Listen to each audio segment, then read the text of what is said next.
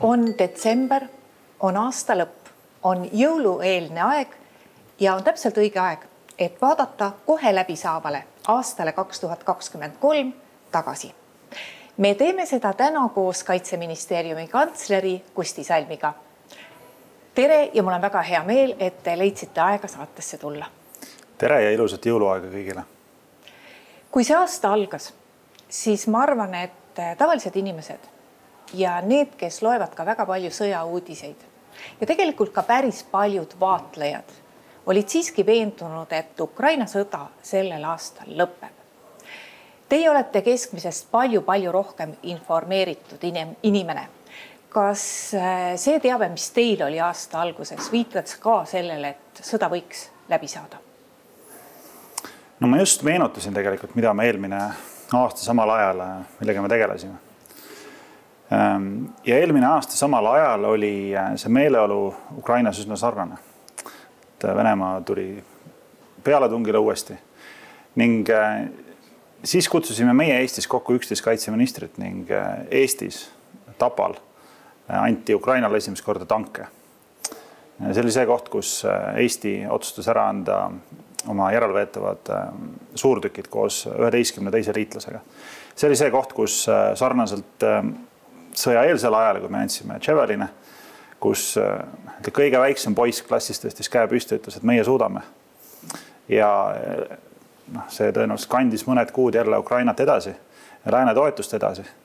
Äh, sarnase algatuse tegi meie peaminister aprillikuus, kui oli teada, et laskemoona tootmisega on suuri probleeme, laskemoona andmisega on suuri probleeme. Ähm, aga noh, see kõik viitas sellele, et see sõda ei, ähm, ei lõppe kiiresti ma mäletan, et aasta tagasi me veensime oma liitlasi asjades, et äh, et pange tähele, see ei ole Putini sõda, see on terve Venemaa sõda. Äh, pange tähele, Venemaa ei ole puruks lastud, et olgugi, et nendel sajad soomukid ja kümned tuhanded sõdurid on surnud, äh, siis see ei tähenda seda, et nad ei tule tagasi. täna neid samu punkte räägivad kõik liitlased meile. Ja kui üldse mingi, mingi asja üle vaidlus käib, siis see on see, kas Vene Föderatsioon tuleb tagasi noh, nii-öelda taastoodab ennast sõjaeelsele tasemele, kas kolme, viie, kuue, kaheksa aasta pärast. aga tõsi on see, et on konsensus, et äh, ta tuleb tagasi ja ta tuleb tagasi revanšistlikult. Eh, ehk ainus küsimus, mis siin äh, lääneliitlaste ja noh, eeskätt meie enda jaoks on see, et äh, kas me suudame teha seda kiiremini kui Vene Föderatsioon. no mainisite juba relvaabi ja laskemoona kui palju relvatööstus ja laskemoonatööstus on selle aastaga edasi arenenud, sest me teame ju seda, et meil tegelikult ei ole laskemoona Euroopas meil ei ole ka relvi Euroopas nii palju, kui oleks vaja. kas see aasta tõi midagi uut, kas relvatööstus hakkas rohkem huvi tundma tootmise vastu? no sellega on selline asi, et äh, ma arvan, et täna ei ole enam Euroopas peaministrit või presidenti, kes pole kuskil andnud mingit intervjuud või pidanud kõnet teemal, kuidas äh, kaitsetööstus tuleb käima tõmmata, relvatööstusest tuleb äh, siin hoogustada, kuidas tuleb rohkem ostma hakata, kaitsesse rohkem investeerima. paraku neid riike, kes seda päriselt teinud on, on väga vähe ja Eesti on üks, üks nendest, meie kõige lähemad naabrid on üks nendest. et noh, loomulikult see ei toimu sellise tempoga, sellise kiirusega, nagu meile sobiks. aga noh, asi, mida me peame endale pidevalt meelde tuletama, on see, et noh, liitlasi noh, nii-öelda läbi tänitamise ei, ei võida, tuleb leida siis neid viise, kuidas inspireerida neid ning kuidas innustada neid rohkem kaitsesse investeerima. kui me räägime omaenese kaitsevõime tõstmisest, mis olid need asjad, mille võrra me oleme sellel aastal rikkamad, kui me olime aasta tagasi, mille, mille võrra me oleme rohkem kaitstud kui veel aasta tagasi mm? -hmm. ta, ma mõtlesin selle peale, et see on nagu münt, millel on kaks poolt, on niisugune päikseline pool ja on varjukülg. lugu on muidu täpselt sama, et äh, aasta kaks tuhat kakskümmend kolm äh, pole, on riigikaitse arengus olnud absoluutselt kõige parem aasta. Eesti kaitsevägi arenes peaaegu poole võrra, aasta alguses oli meil kakskümmend kuus tuhat võitlejat, täna on nelikümmend neli tuhat mehitatud, relvastatud, üksustesse formeeritud kõrge motivatsiooniga sõdurit. alles hiljuti lõpetasime meie taasiseseisvumise ajaloo kõige suurema õppuse Ussi sõnad. me oleme hankinud, palju on juba kohal uusi relvasüsteeme, mida mõni aasta tagasi me ei suutnud isegi unistada. õhutõrje, laevavastased raketid, mitmikraketiheited, HIMARS, täppis, täppismoon, pikamaa tankitõrje ja nii edasi. me oleme investeerinud laskemoonavarudesse kaks korda rohkem kui taasiseseisvumisaja jooksul kokku viimase, viimase pooleteist aasta jooksul. ja noh, enamus nendest relvadest on sellised, mida noh, mis suudavad meie vastasele väga palju haiget teha. no mis veel, Ukraina abistamisest natukene rääkisime noh, ma arvan, et see on täiesti aus diagnoos, et Eesti on seda abistamise sellist lääne indu eest vedanud selle aasta jooksul. Ähm, NATO on äh, võtnud käsutusse plaanid, mida viimati tehti nelikümmend aastat tagasi, päris sõjapidamise plaanid. Äh, ja nende plaanidel sellisel kujul, nagu nad on, on noh, väga su suured noh, ütleme tindised näpujäljed siis meie kindral Martin Heremi ning äh, diviisiülem Veiko Vello Palmi poolt, äh, mis on väga kõva sõna, Eesti kindralid kirjutasid NATO plaane. Äh, no mis veel, meil on Eestis täna kaks tuhat viissada liitlast pidevalt kohal, alaliselt on meil kohal kolm tuumariiki. meie oma diviis on üheaastane. Äh, Eesti kaitsetööstus, Eesti kaitsetööstuse eksport arenes seitsekümmend protsenti eelmine aasta Eestis on tuhanded ettevõtted, kes säilitavad reservväelaste palga, kes võtavad töötajaid tööle selle kriteeriumi alusel, et nad on ajateenistuses käinud. Äh, eestlaste kaitsetahe üldse, kui on kuidagipidi seda võimalik mõõta, on meil ajaloo kõrgem. et äh, meil on ikka päris hästi läinud see aasta, kui niipidi võtta on ju. aga seesama mündi teine pool on see, et meie ümber on läinud ka asjad väga palju halvemaks. et ma arvan, et täna ei ole enam kellelgi illusioon, et, äh, et mis see Vene Föderatsiooni tahe siis lõppkokkuvõttes on. ta on teinud selle kõikidele selgeks Ukrainas ja ta on seda teinud kõikidele selgeks ka paberi peal, et ta tahab äh, suruda oma mõjusfääri sinna, kus ta oli Nõukogude Liidu lagunemise järgselt. noh, siis veel täpsemalt siis enne üheksakümne seitsmendat aastat, kui NATO hakkas laienema. ja ta otsib igapäevaselt seda võimalust äh, siis seda tahet ellu viia ja meie asi on sealt see võimalus tal käest ära võtta ja kui ta neid võimalusi otsib, siis iga kivi alt, mis ta vaatab, vaataks talle vastu, et see kahju, mis ta potentsiaalselt saab, on siis mõõtmatult suurem sellest Äh, sellest kasust, mis ta loodab sellest saada, aga noh, see ei ole, see ei ole lihtne ülesanne. kui head on täna meie luureandmed, kui täpselt me teame, äh, mis võib juhtuda nädala pärast, kahe nädala pärast või kui oht meid võiks homme hommikul ähvardada, kas me seda oskame ette näha, kas me saame seda ette näha? ma arvan, et me kindlasti saame seda ette näha ja ma tahan siin üleüldiselt äh, kiita inimest, Eesti inimesi, Eesti ajakirjandust selles, et äh, ma arvan, et kui midagi peaks olema meil nädala või kahe nädala kaugusel, siis selleks meil ei ole isegi luureametit vaja, siis tõenäoliselt iga Eesti inimene saab sellest juba aru, et jamaks läheb. Äh, ja see on ka Vene Föderatsiooni eesmärk, et äh, noh, sa ei saa kellelegi kallale tungida lihtsalt tühja koha pealt. alati tuleb luua see pinnas, õhustik, see põhjus. et, et kuidas seda ellu viia, noh, seetõttu on vaja kõiki need infokampaaniad, on vaja neil liitlasi omavahel tülli ajada, on vaja segadust külvata siseriiklikult, igal pool mujal. Äh, ja meie asi on siis äh, käituda täpselt vastupidiselt, kui meid tahetakse lahku aeta meie liitlastest, siis meie asi on koos püsida. kui meid tahetakse Eestis omavahel tülli ajada, siis äh, meie asi on minna, minna ja omavahel rääkida ja ära triikida siis need asjad, mis, mis parajasti valesti on, et ähm, selline mäng käib ja meie asi on siin hoida pea selge no meie põhjanaabrid, soomlased panid just aasta lõpus kinni vähemalt ajutiselt eh, kogu oma piiripunktid või kõik oma piiripunktid eh, Venemaaga, aga see ju tähendab, et väga suur osa Euroopa Liidu ja Venemaa maismaa piirist läks kinni. Eh, kõik teised riigid, kellel ka see piir on olemas, on põhimõtteliselt selleks valmis, kaasa arvatud meie. me ei ole täna näinud Venemaa poolt mingit väga korralikku reaktsiooni sellele. kas on karta, et see veel tuleb? No eks me peame olema valvsad, et äh, arvata, et need asjad kuidagi juhtuvad äh, ajal, kus äh, Ukrainas läheb külmaks, kus Venemaa veenab aina tugevamalt iseennast, et tema on võitmas, kus lääne ühtsuses noh, võib siin hinnata, et on esimesed mõrad tekkimas, et need asjad nüüd kuidagi juhtuvad siis samal ajal samas kohas sama eesmärgiga, et noh, kindlasti see teenib mingit eesmärki. Ning tõenäoliselt, kui see mingit eesmärki teenib, siis eks äh, Vene Föderatsioonis on kuskil mingi direktor, kes, kes siis oma alluvate käest küsib, et noh, kas me oleme nüüd nagu jõudnud sinna, kus me tahtsime. et kindlasti me peame olema valvsad selles, selles suhtes. me rääkisime juba Eesti abist Ukrainale, relvaabist samuti.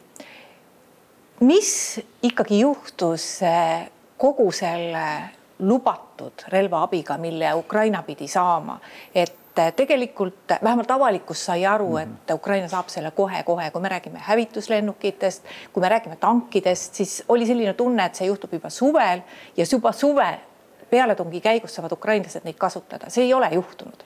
aga mis, miks see nii läks?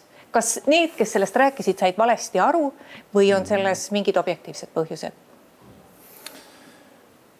No ma arvan, täna on natukene seda suppi süüa veel liiga kuum, et äh, esiteks võib-olla me ei tea neid kõiki asju ja teiseks äh, noh, sellel supi söömisel vist niimoodi ei saa, et pool rinnapesi selle ei läheks, et, äh, et äh, ei ole aega hakata siin süüdlasi otsima, et miks see täpselt nii läks äh,. tõsi on see, et äh,, et liitlaste ind ning liitlaste varud pole olnud sellisel äh, tasemel, et Ukraina selle sõja juba oleks võitnud. objektiivsed tingimused selleks kõik on olemas, lääne liitlased Rammsteini koalitsioonis on äh, kolmkümmend korda rikkamad kui Vene Föderatsioon, me investeerime kollektiivselt kaitsesse kolmteist korda rohkem. Äh, tehnoloogiline ülekaal on absoluutselt igas kategoorias on mäekõrgune, et noh, ei tegelikult ei tohiks olla probleemi. aga noh, paraku on, mängime nende kaartidega, mis me mängime. Äh, ja noh, ütleme, eks sellest tules karastub ka liitlaste teras ja eks me lõpuks saame siin läbi selle harjutuse ühtsemaks ning äh, lõpetame niimoodi, et Ukraina on ka ühtses Euroopa ning NATO peres me ju päris täpselt ei tea, kui suured on Ukraina inimkaotused, seda ei ütle keegi. me võime arvata, et need on ka päris suured ja me võime arvata, et Ukrainal on pidev vajadus äh, uute sõdurite väljaõpetamiseks. oleme me seda piisavalt teinud? noh, ilmselgelt ei ole teinud piisavalt, sest Ukraina ei ole seda sõda võitnud, see on, ma arvan, fakt nüüd aga, kui me nagu puurime nüüd sinna faktidesse rohkem sisse, siis äh, Euroopa Liit, Ameerika Ühendriigid äh, ning äh, britid siis oma operatsiooniga Interflex on täna kokku välja õpetanud umbes sada tuhat Ukraina sõdurit. Ähm, ja enam-vähem samas tempos, kui me jätkame, et kui me suudame nüüd kollektiivselt seda väljaõpet natuke parandada, võtta arvesse kõiki neid asju, mis Ukrainas on õpitud ning võib-olla natukene rohkem anda üksuse ülemate tasemel väljaõpet, siis äh, me peaksime kollektiivselt Ukrainaga olema selles olukorras, kus ukrainlased suudavad siis hävitada rohkem Vene sõdureid, ehm, kui Venemaa suudab peale toota. et äh, noh, selles suhtes võib öelda, et on asjad nagu päris hästi, kui üldse seal mingeid asju nüüd saab niimoodi kategoriseerida. Äh, et me peame jätkama sellel tasemel, ka Eesti on pidevalt on Eestis olnud kakssada Ukraina sõdurit ehm, väljaõppel rohkem kui aasta juba ja ka meie jätkame sellega. kas Euroopa jõudis ja Euroopa Liit konkreetselt jõudis sellel aastal ka natukese lähemale arusaamisele, et äh, kui USA ei ole kambas, siis Euroopal on tohutult raske ennast kaitsta. kui me kerime nüüd tagasi seda Euroopa ajalugu, noh, eriti veel seda, mis läheb sinna külma sõja aega siis ähm, Euroopa kaitseindu tahet on noh, üleüldiselt motiveerinud kaks asja, üks on siis oht. noh, läbi külma sõja see oht oli kogu aeg olemas. ja teine on siis selline hirm, et euro, et kuidagi Ameerika Ühendriikide tähelepanu Euroopa kohalt kaob ära. Ähm, et see on see koht, mis on eurooplasi mobiliseerinud rohkem tegema. et noh, ma arvan, et me oleme selle koha lähedal. Äh, aga noh, olgugi, et see võib natukene küüniline kõlada, siis äh, Eesti jaoks on see kindlasti hea ja Ukraina jaoks on see ka väga hea. ja lõppkokkuvõttes ma arvan ka ameeriklased, kui nad näevad, et Euroopa teeb rohkem, siis selles liitlassuhtes me jõuame omale lähemale. olgugi, olgu see president siis kes tahes seal. räägime veel rahast ka.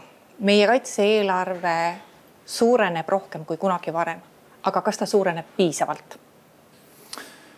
me oleme kaitseministeeriumis äh, väga tänulikud selle üle, mis valitsus on äh, teinud, et Eesti kaitsekulud pole kunagi olnud nii suured. Ähm, me investeerime üle kolme protsendi sisemajanduse kodu, kogutoodangust. Äh, ja mis veel me teeme? noh, kui me võtame nüüd sedasama euro siin, siis viiskümmend viis senti igast sellest eurost läheb päris kaitsevõimesse. laskemoon, relvastus ja ülejäänud nelikümmend viis senti on siis palgad ja elekter ja õppused ja ülevalpidamine ja autode bensiin. NATO-s ei ole mitte ühtegi riiki, kes suudaks seda ette näidata. noh, see on üks asi. no ma rääkisin siin külma sõja ajaloost. ja kui me võtame nüüd külma sõja ajal need riigid, kes on Eesti suurused, no umbes Belgia, Holland, Norra, Portugal, Taani, siis need riigid investeerisid kolm, kolm pool aastakümmet, kolm protsenti ja rohkem. et nii-öelda Vene ohule vastu seista ja Lääne-Saksamaa veel rohkemgi, neli pool kuni. et no meil on neid aastaid olnud, pole veel ühte aastatki olnud. et noh, kindlasti on see hästi-hästi-hästi suur väljakutse. ja olgugi, et meil on väga suur ja hirmutav naaber olgugi, et me oleme Euroopa no ütleme ühes kaugemas otsas ja meie suuremad liitlased on meist päris kaugel, siis sellel hommikul, kui vaja on, siis meid on ikkagi päris palju. nelikümmend neli tuhat ja veelgi rohkem, seda on ikka korralik mass. et täna on meil seis selline ja ma arvan, et see on igatepidi aus äh, sellist asja loota, et äh, iga sõdur, kes sellel hommikul välja tuleb äh,, Eesti riigil, Eesti inimestel ma arvan, on kohustus anda neile kaasa lubadus, et äh, äh, Vene sõdur ning Vene relvastus saab enne otsa kui meie kaitsetahe ning meie laskemoon. Äh, täna me veel seal ei ole. me peame veel pingutama, aga, aga samal ajal on julgustav see, et see kõik on meil käeulatuse kaugusel ja kui me sinna ükskord jõuame, siis, siis olgu see vastane nii suur ja kuri kui tahes, ei julge ta meie turja tulla Eh, kui palju nendes foorumites, kus teie käite kohtumas ja kus otsustatakse Euroopa asju, kui palju ja kas räägitakse sellest, kui pikaks sõjaks me oleme Euroopas valmis? No eks ta natukene on niisugune suur valge elevant keset tuba, et äh, kõik seda näevad, keegi eriti rääkida ei julge, mõni keerab pea eemale äh,. aga ma arvan, et see teadmine jõuab kohale äh, ja võib-olla see teadmine on juba kohal, aga sellest teadmisest on vähe kasu, kui kui me piisavalt selleks ei tee, et ma rääkisin enne NATO kaitseplaanidest. Need plaanid on imeilusad, täpselt sellised nagu plaanid olema peavad, aga Albert Einstein kunagi ütles, et plaan ilma elluviimiseta on hallutsinatsioon, meelepete. et noh, meie töö on ikkagi läbi nende plaanide, läbi nende tegevuse Vene Föderatsiooni veenda, et me ise oleme valmis, meie väed on valmis, meie laskemoon on olemas, meie liitlased on valmis, meie liitlased tulevad siia, kui vaja on, meie liitlaste äh, relvastus, laskemoon on olemas ja me kommunikeerime seda pidevalt selliselt, et äh, me juba eos veename oma vastast siis selles, et ta kõik oma kurjad mõtted peast ära pühiks. no vot, miks ma seda küsisin, et ma arvan, et nendes foorumites, kus teie käite kohtumas ja nendel tasanditel ei olegi probleem sellest adekvaatselt aru saada. aga paraku riikide eelarved kujunevad eh, suhteliselt eh, tugevalt ikkagi poliitikute mm -hmm. survel ja poliitikud tahavad seda, mida rahvas tahab. ja paljudes riikides, praegu ka otsustajariikides on väga keeruline kokku leppida uutes Ukraina abistamise rahanumbrites. ma usun millegipärast, et sellel aastal jõutakse kokkuleppele, aga mida aasta edasi, seda keerulisemaks võib see minna. noh, see ongi see kurnamissõja mõte, et äh, mida Venemaa tahab meid äh, kollektiivselt veenda, et tema on tugevam, tema on suurem, tema toodab rohkem, tema kannatab rohkem ähm, noh, kui me vaatame nüüd seda, kui suur on Euroopa, kui suur on NATO, siis see on tegelikult ju ebaadekvaatne lootus. et me oleme nii palju suuremad, me peaks sellega ise hakkama saama, meie peaksime teda täpselt vastupidises veenma ja, ja nüüd arvata, et kuidagi, et Venemaal on lihtne, siis, siis see kindlasti nii ei ole. ja eks see tõeline noh, nii-öelda tõelised liidrid selguvad ka siis, kui on raske, kui sa oled üksi pimedas toas mitte siis, kui on vaja kuhugi pjedestaalile ronida ja rahvas rõkkab, et äh, et need on, ütleme, Euroopa ajaloo selle generatsiooni võib-olla kõige keerulisemad kuud, aga noh, ma olen veendunud, et me tuleme sellest välja, sest siin on nagu kaalul oluliselt rohkem kui, äh, kui need võib-olla konkreetsed episoodid selles sõjas, et see on sõda, mida Euroopa ei saa lubada endale kaotada. No vot, me ajame juttu just jõulueelsel nädalal ja jõulud on aastas üks selline püha, mida peetakse isegi kohtades, kus on sõda ja mida on alati peetud mõneti ka rindel mm. -hmm. loodame väga, et nende jõulude ajal midagi väga halba ei juhtu. aga siiski, milline argument võiks olla sõdijale ja kallaletungijale see, et on jõulud? Äh, ma mõtlen sellest praegu niimoodi, et äh, Eesti on olnud, noh, ma arvan, kõige suurem Ukraina toetaja. seda suurt südant ja tahet on väga raske purki panna ja mõõta kuidagi, onju. aga lihtsalt nagu tajudes oma ümber, ma arvan, et me oleme teinud väga hästi asju, me oleme olnud otsustavad ja julged siis, kui teised pole olnud, meil on, meil on olnud siis pealehakkamist Ukrainat toetada siis, kui neil on olnud raske võib-olla mitte küsida küsimusi siis, kui, kui pole vaja olnud. Et väga uhke on öelda seda lauset äh, ja teeb nagu härdaks ka natuke see olemise onju. Äh, aga samal ajal, mis on hästi tähtis, ma arvan, et äh, nii inimestel rindel kui ka tegelikult ka Eesti, Eesti inimestel, kes on ka väga palju Ukrainat toetanud. et ehm, kui meie jätame toetamise, kui meie jõud raugeb, siis Ukraina selja taga ei pruugi enam kedagi teist olla ja ma arvan, et see on asi, mille peale Eesti inimesed võiks jõulude ajal mõelda. Kuidas teil endal jõuludega suhe on? kas jõulud on pühad, mis teid isiklikult puudutavad? ikka puudutavad, olen oma perega koos, lähedastega koos, emal-isal külas nagu kõikidel. Eh, kas jõuluvana ka tuleb? oi, kindlasti tuleb. kas jõulusalm on peas? jõulusalm on väga hästi peas. aga palun siis eh, võite teha esimese proovi ära kohe. ja mul eraldi, mõtlesime eraldi jõulusoovi välja äh,. Laskemoona ja laskemoona. palusime jõuluvanalt toona tänavu on meie soovid jäänud samaks. no et ei läheks päris jamaks. ja kui veel kingikotti mahuks, siis paluks laskemoona varuks. aitäh, Kusti Salm. aitäh tulemast meiega juttu ajama. ilusat jõuluaega. ja aitäh, kes meid täna vaatasid. Meie homses saates on juba uus külaline